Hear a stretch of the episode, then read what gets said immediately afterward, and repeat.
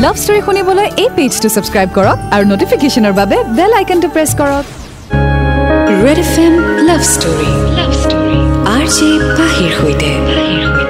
Super hits ninety three point five red F এমত সময় হৈ গ'ল weekend special show' red F M love story আৰু এটা নতুন লাভ ষ্টৰী লৈ মই পাহি আকৌ এবাৰ আপোনাৰ কাষ চাপিলোহি। আশা কৰোঁ আপোনাৰ ভাল।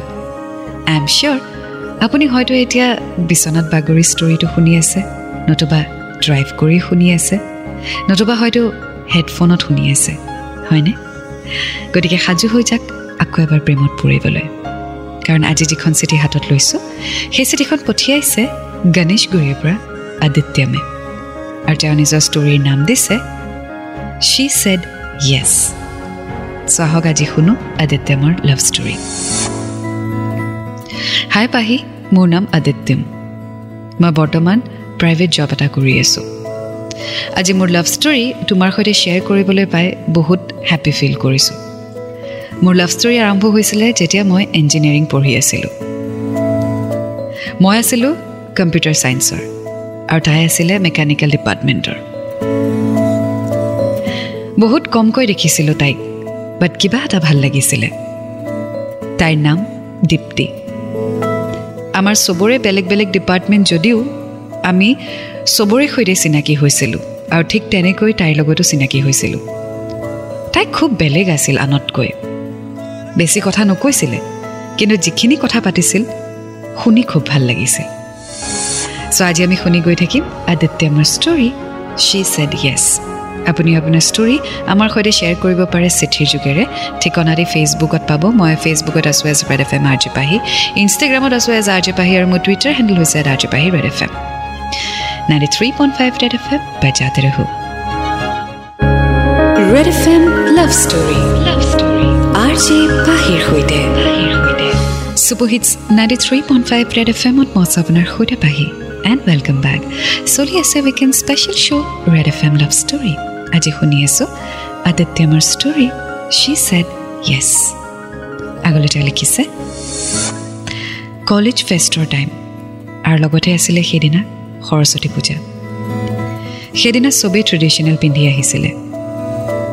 দীপ্তিক চাবলৈ সেইদিনা মই খুব এক্সাইটেড হৈ আছিলোঁ।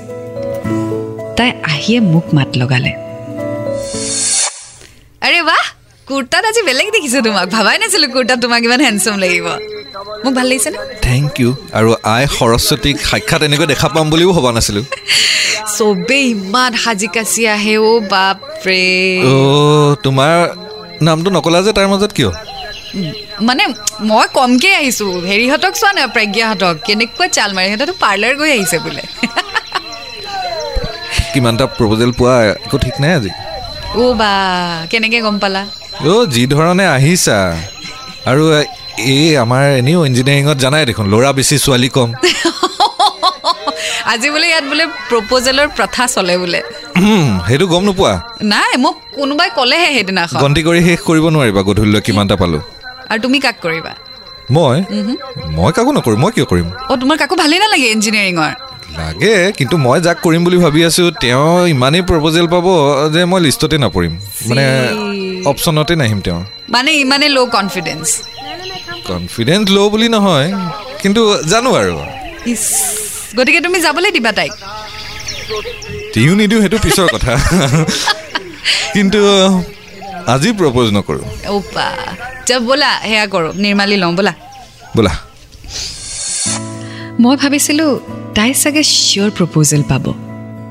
কিন্তু শ্বকিংলি তাইক কোনেও প্ৰপ'জ কৰা নাছিলে।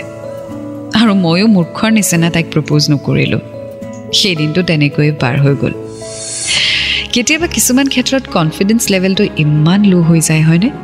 মানে আপুনি যেতিয়া ভাবে যে কাৰোবাক কিবা এটা ক'ম বুলি কিন্তু আমি আগতে বহুত বস্তু এজিউম কৰি লওঁ। যিটো ধৰক আদিত্যমে কৰিলে। মানে আদিত্যমে দীপ্তিক লাইক কৰে বাট ক'ৰবাত তেওঁ নিজে এজিউম কৰি ল'লে যে তাইক বহুতে প্ৰপ'জ দিব চ' মই নকৰাই ভাল হ'ব।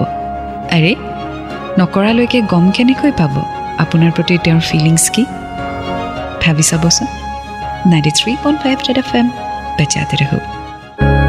Red F M love story love story R J পাহিৰ সৈতে super hits ninety three point five red F এমত মই আপোনাৰ সৈতে পাহি এণ্ড ৱেলকাম বেক চলি আছে weekend special show' red F M love story আজি শুনি আছোঁ আদিত্য মোৰ ষ্টৰী শ্বি ছেড য়েছ আগলৈ তেওঁ লিখিছে শ্ল'লি সময় পাৰ হ'ব ধৰিলে আমাৰ কলেজ লাইফো শেষ হ'ব বাট মোৰ তাইক কোৱাই নহ'ল যে মই তাইক ভাল পাওঁ এনেকৈ কলেজত কেম্পাছ ইণ্টাৰভিউ হ'ল আমি দুয়ো কেম্পাছ ইণ্টাৰভিউত ক্ৰেকো কৰিলোঁ।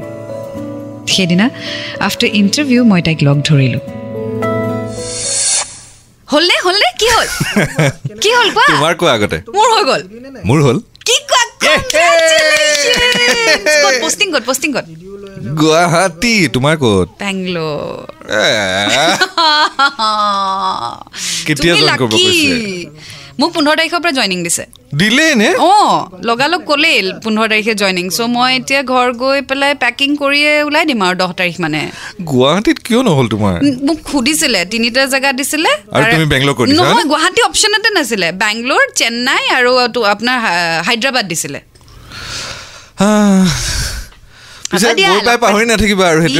কথা লগ পাই থাকিম। মই গুৱাহাটী আহিলে লগ কৰিম আৰু তুমি বেংগলোৰ ফুৰিব আহিবা। সেয়া আহক বাৰিষা কাটক পাত। ব'লা এতিয়া।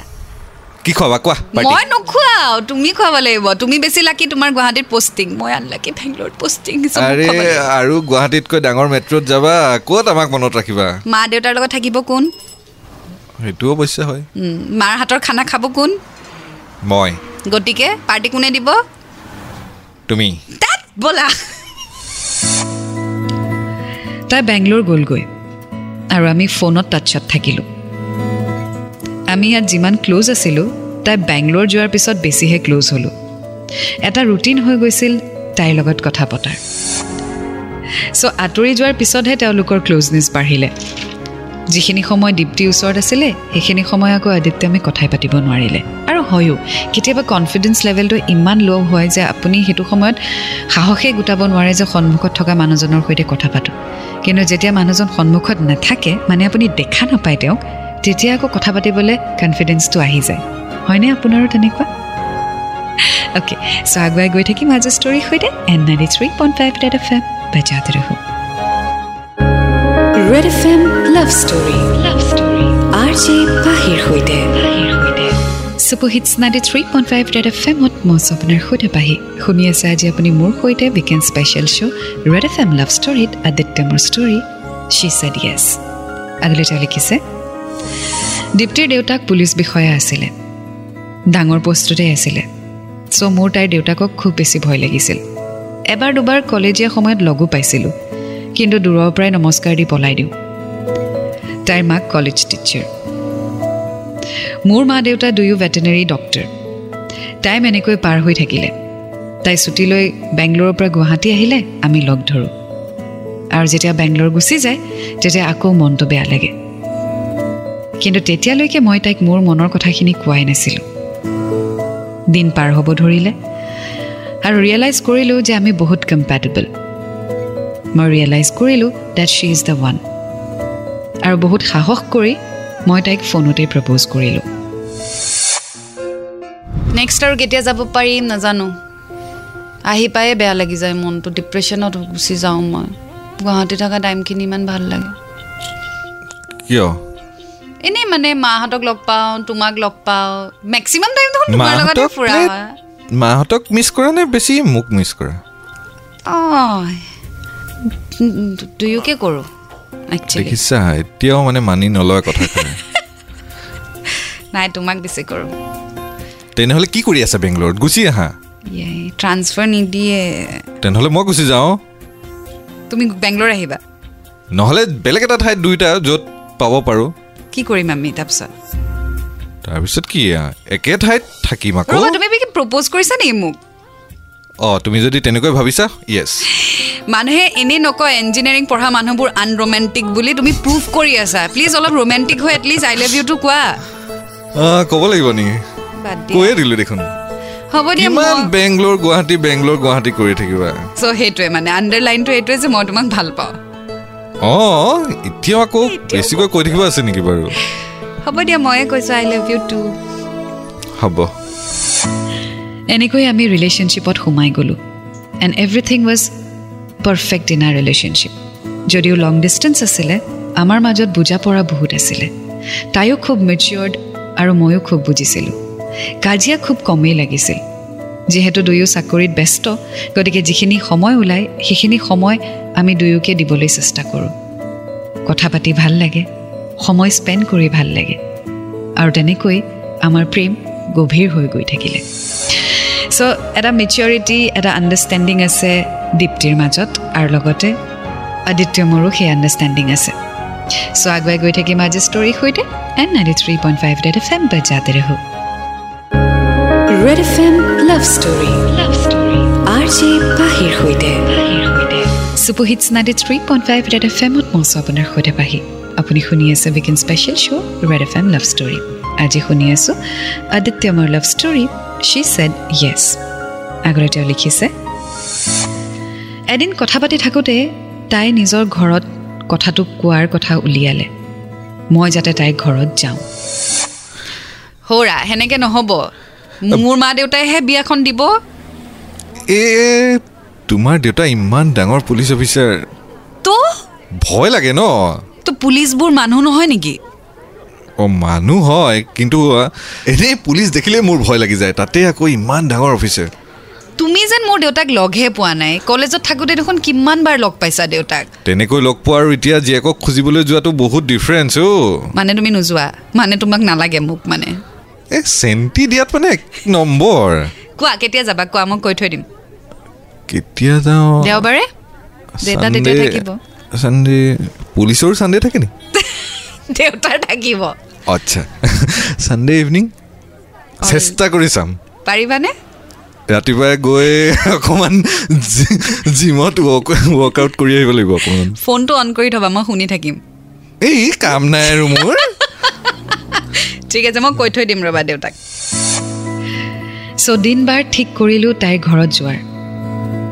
নাৰ্ভাছটো বহুত আছিলোঁ। কি ক'ম কি নক'ম নাজানো। কিন্তু তাইক কথা দিলোঁ। যে তাইৰ ঘৰত গৈ আমাৰ কথা ক'ম। চ' ফাইনেলি ৰিলেশ্যনশ্বিপৰ এণ্ডটো হৈছে মেৰেজ আৰু বিয়াৰ কথা উলিয়ালে আদিত্যম আৰু দীপ্তিয়ে। এতিয়া বিয়াৰ কথাটো নিজে পাতি থ'লে নহ'ব ঘৰৰ মানুহকো ক'ব লাগিব। গতিকে দীপ্তিয়ে এতিয়া আদিত্যমক জোৰ কৰিছে ঘৰত গৈ যাতে কথাটো উলিয়ায়। এইফালে আকৌ আদিত্যমে দীপ্তিৰ দেউতাকক বৰ ভয় কৰে। চ' কি হ'ব চিটুৱেশ্যনটো জানিব চাগে আপুনিও বিচাৰিছে। চ' অকণমান অপেক্ষা কৰক and ninety three point five red F M বাজাতে ৰহক। Red F M love story love story R J পাহিৰ সৈতে। Super hits ninety three point five red F এমত মই আছোঁ আপোনাৰ সৈতে পাহি এণ্ড ৱেলকাম বেক চলি আছে weekend special show' red F M love story শুনি আছোঁ আদিত্য মোৰ ষ্টৰী শ্বি ছেড য়েছ আগলৈ তেওঁ লিখিছে চিঠিখনত সেই দিনটো আহি পালে যিদিনা মই তাইৰ ঘৰত গ'লোঁ। আণ্টিয়ে দৰ্জা খুলি মোক বহিবলৈ দিলে। অলপ সময় কথা পাতিলে আৰু আণ্টি ভিতৰত সোমাই গ'ল। আংকল যিটো সময়ত ওলাই আহিলে সেইটো সময়ত মোৰ বুকুৰ ধপধপনি বাঢ়িব ধৰিলে। সেই দিনটো যে মই কেতিয়াও নাপাহৰোঁ।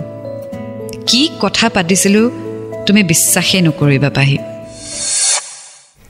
আংকল নমস্কাৰ। অঁ কি খবৰ ডেকা ল'ৰা? মোৰ খবৰ ভালেই। বহুত দিনৰ পিছত দেখা পালোঁ তোমাক। অঁ তাকেই অকণমান এইকেইদিন ব্যস্ত হৈ আছিলোঁ। আপুনি আজি আপোনাৰ বন্ধ? আজি বন্ধ আজি বন্ধ। আচ্ছা আমি মই আকৌ ভাবিছিলোঁ পুলিচে চানডে নাপায় নেকি? নাই বহুত মানুহে ভাবে তেনেকৈ আচলতে। পুলিচবিলাক মানুহ নহয় নেকি? তেতিয়া আকৌ ইলেকশ্যনো পাইছেহি নহয় এতিয়া?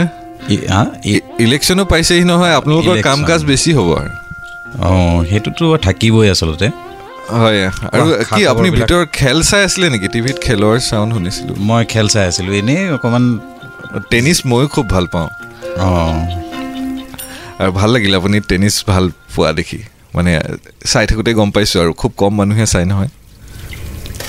অঁ। আমাৰ ইয়াত কৈছোঁ। অঁ। আচ্ছা তোমাৰ গৰম লাগিছে নেকি? নাই কিয় সুধিলে? এ, নহয় কিবা অলপ মানে নাই নাই আংকল একোতো হোৱা নাই। ফেনখন বঢ়াই দিওঁ নেকি অলপ? অঁ দিব পাৰে। হ'ব হ'ব হ'ব। আংকল অঁ লাষ্ট মেটচখন চাইছিলেনে ইণ্ডিয়া আৰু অষ্ট্ৰেলিয়াৰ? মেথছখনটো মই চাইছিলোঁ চাইছিলোঁ মেথছখন চাইছিলোঁ। ৰ'বচোন ৰ'বা মই তোমাক এনেকুৱা লাগিছে কিবা কথা পাহৰি আছা নেকি? কিবা পাহৰিছা যেন কিবা?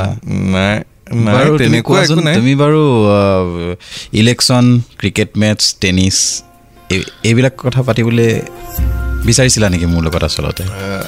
আচলতে কথাটো আংকল মই কেনেকৈ কওঁ এতিয়া? মই জানো জানো য়াং মেন কৈ দিওঁ তেন্তে। কোৱা? মইতো জানোৱেই বাৰু। তথাপি তুমি আপুনি যিহেতু ক'লেই আপুনি গম পায় আজি মই নিজ মুখেৰে কৈ দিওঁ আপোনাৰ ছোৱালীৰ সৈতে মোৰ এটা ৰিলেশ্যন গঢ়ি উঠিছে। আৰু তাইক মই বিয়া পাতিব খোজোঁ। সেয়াই আপোনাক ক'ব আহিছোঁ বহুত সাহস কৰি। গুড গুড গুড কৈ দিলোঁ। মইতো জানোৱেই আৰু তোমালোক দুইটা মেচিয়ৰ ধৰা আৰু তোমালোকেতো নিজে নিজে নিজৰ কৰ্মক্ষেত্ৰত ব্যস্তই হৈ আছা। হয়। আৰু মোৰ ক'বলগীয়া বিশেষ একো নাই। ময়ো সন্মতে আছোঁ তোমালোকৰ সুখেই আমাৰো সুখ। আৰু বাকী তোমালোকে এতিয়া তাই থাকে বেংগলোৰত তুমি থাকা ইয়াত গুৱাহাটীত। তো সেইখিনিও অকণমান হয় আংকুল মই তাইক কৈছোঁ কিবা এটা মিলাব লাগিব সেইবিলাক। অঁ ধৰি লোৱা তেনেকৈ কিবা এটাতো এডজাষ্টমেণ্ট কৰিবই লাগিব। হয়। তেনেকুৱাকৈ। হয় থেংক ইউ আংকুল বাৰু তেনেহ'লে আৰু বাকী ঘৰত সকলোৰে ভালেই নহয়? হয় ভালেই। ঠিক আছে তেতিয়াহ'লে। এদিন সকলো লগে ভাগে এদিন হয় মই। তেওঁলোককো লৈ আহিম কোনোবা এদিন। ঠিক আছে ঠিক আছে।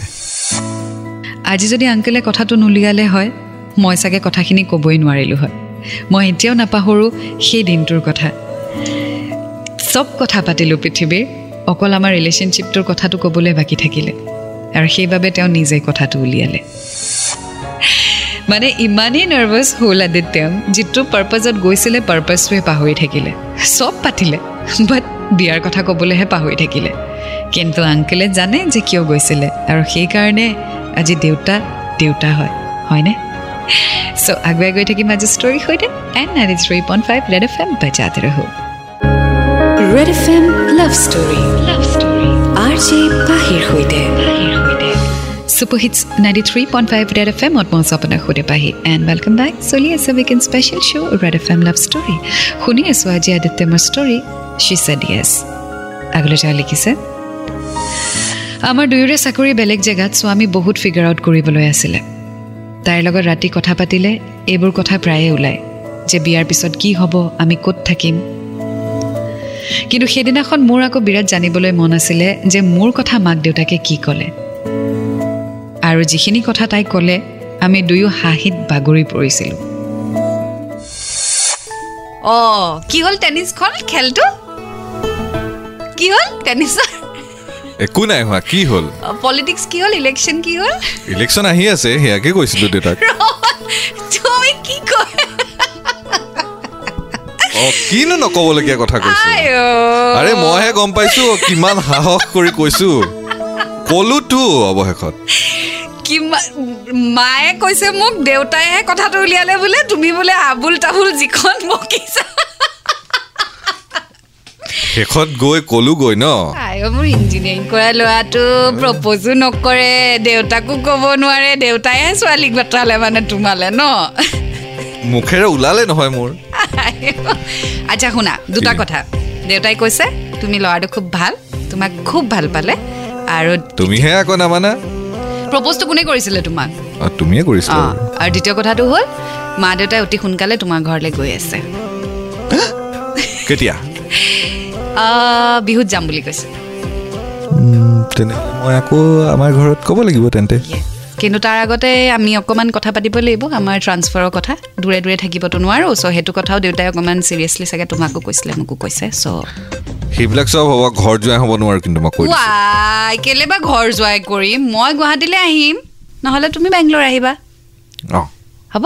হ'ব। দিয়া এতিয়া আই লাভ ইউ বুলি কোৱা। আই লাভ ইউ তুমি প্ৰুভ কৰি দিছা যে ইঞ্জিনিয়াৰিং মানুহবোৰ বহুত আনৰোমেণ্টিক হয় দেই। চেনেহৰ টোপটো তোমাৰ বুকুত নেলাগে। অ'কে বাই পোঙাটো দিলোঁ তোমাৰ দুচকুত। অ'কে বাই মই ফোনটো থওঁ। এই মাৰো এই মাৰো বুলি চিপ মাৰি দিলোঁ। হেল্ল' হেল্ল' মই শুনা নাই। কলিজাখন উঠি আহিল মোৰ। দুবাহত। ৱা ইমান ধুনীয়াকৈ আচ্ছা ঠিক আছে কলো পাত্তাই। নিদিলে। সেইকাৰণে নকওঁ মই। থেংক ইউ চব ঠিকে ঠিকে পাৰ হৈ গ'ল। ঘৰা ঘৰি কথাও হ'ল এণ্ড লাকিলি মোৰো ট্ৰান্সফাৰ হ'ল। নেক্সট ইয়েৰ ট্ৰান্সফাৰ হ'ব বুলি মোৰ তাত ইনফৰ্মেশ্যন আহি গ'ল। আৰু সেই হিচাপে আমি গোটেইখিনি প্লেনিং কৰা ষ্টাৰ্ট কৰিলোঁ। কিছু ডিচিশ্যন ল'বলগীয়া আছিলে সেই ডিচিশ্যন ল'লোঁ। এতিয়া কেৱল ট্ৰান্সফাৰৰ বাবে অপেক্ষা। যেতিয়াই ট্ৰান্সফাৰ হ'ব আমি একেলগে থকা ষ্টাৰ্ট কৰিম আৰু সেই বছৰে বিয়া কথা চিন্তা কৰিম। এতিয়া হাতত মাথো ট্ৰান্সফাৰ আহি পালেই হ'ল। এয়াই আছিলে মোৰ story thank you so' much পাহি। আমাক এটা এনেকুৱা প্লেটফৰ্ম দিয়াৰ বাবে য'ত আমি নিজৰ ষ্টৰীসমূহ শ্বেয়াৰ কৰিব পাৰোঁ আৰু আনক ইনস্পায়াৰ কৰিব পাৰোঁ। প্ৰত্যেকটো ষ্টৰী শুনি আমিও ইনস্পায়াৰ হওঁ আকৌ প্ৰেমত পৰিবলৈ মন যায় একেজনী মানুহৰ লগতে। থেংক ইউ আমাক এনেকুৱা এটা প্লেটফৰ্ম দিয়াৰ বাবে। থেংক ইউ ছ' মাছ আদিত্যন তুমি তোমাৰ ষ্টৰী আমাৰ সৈতে শ্বেয়াৰ কৰিলা এণ্ড আই গেছ এতিয়ালৈকে চাগে তোমালোকৰ বিয়া হৈও গ'ল।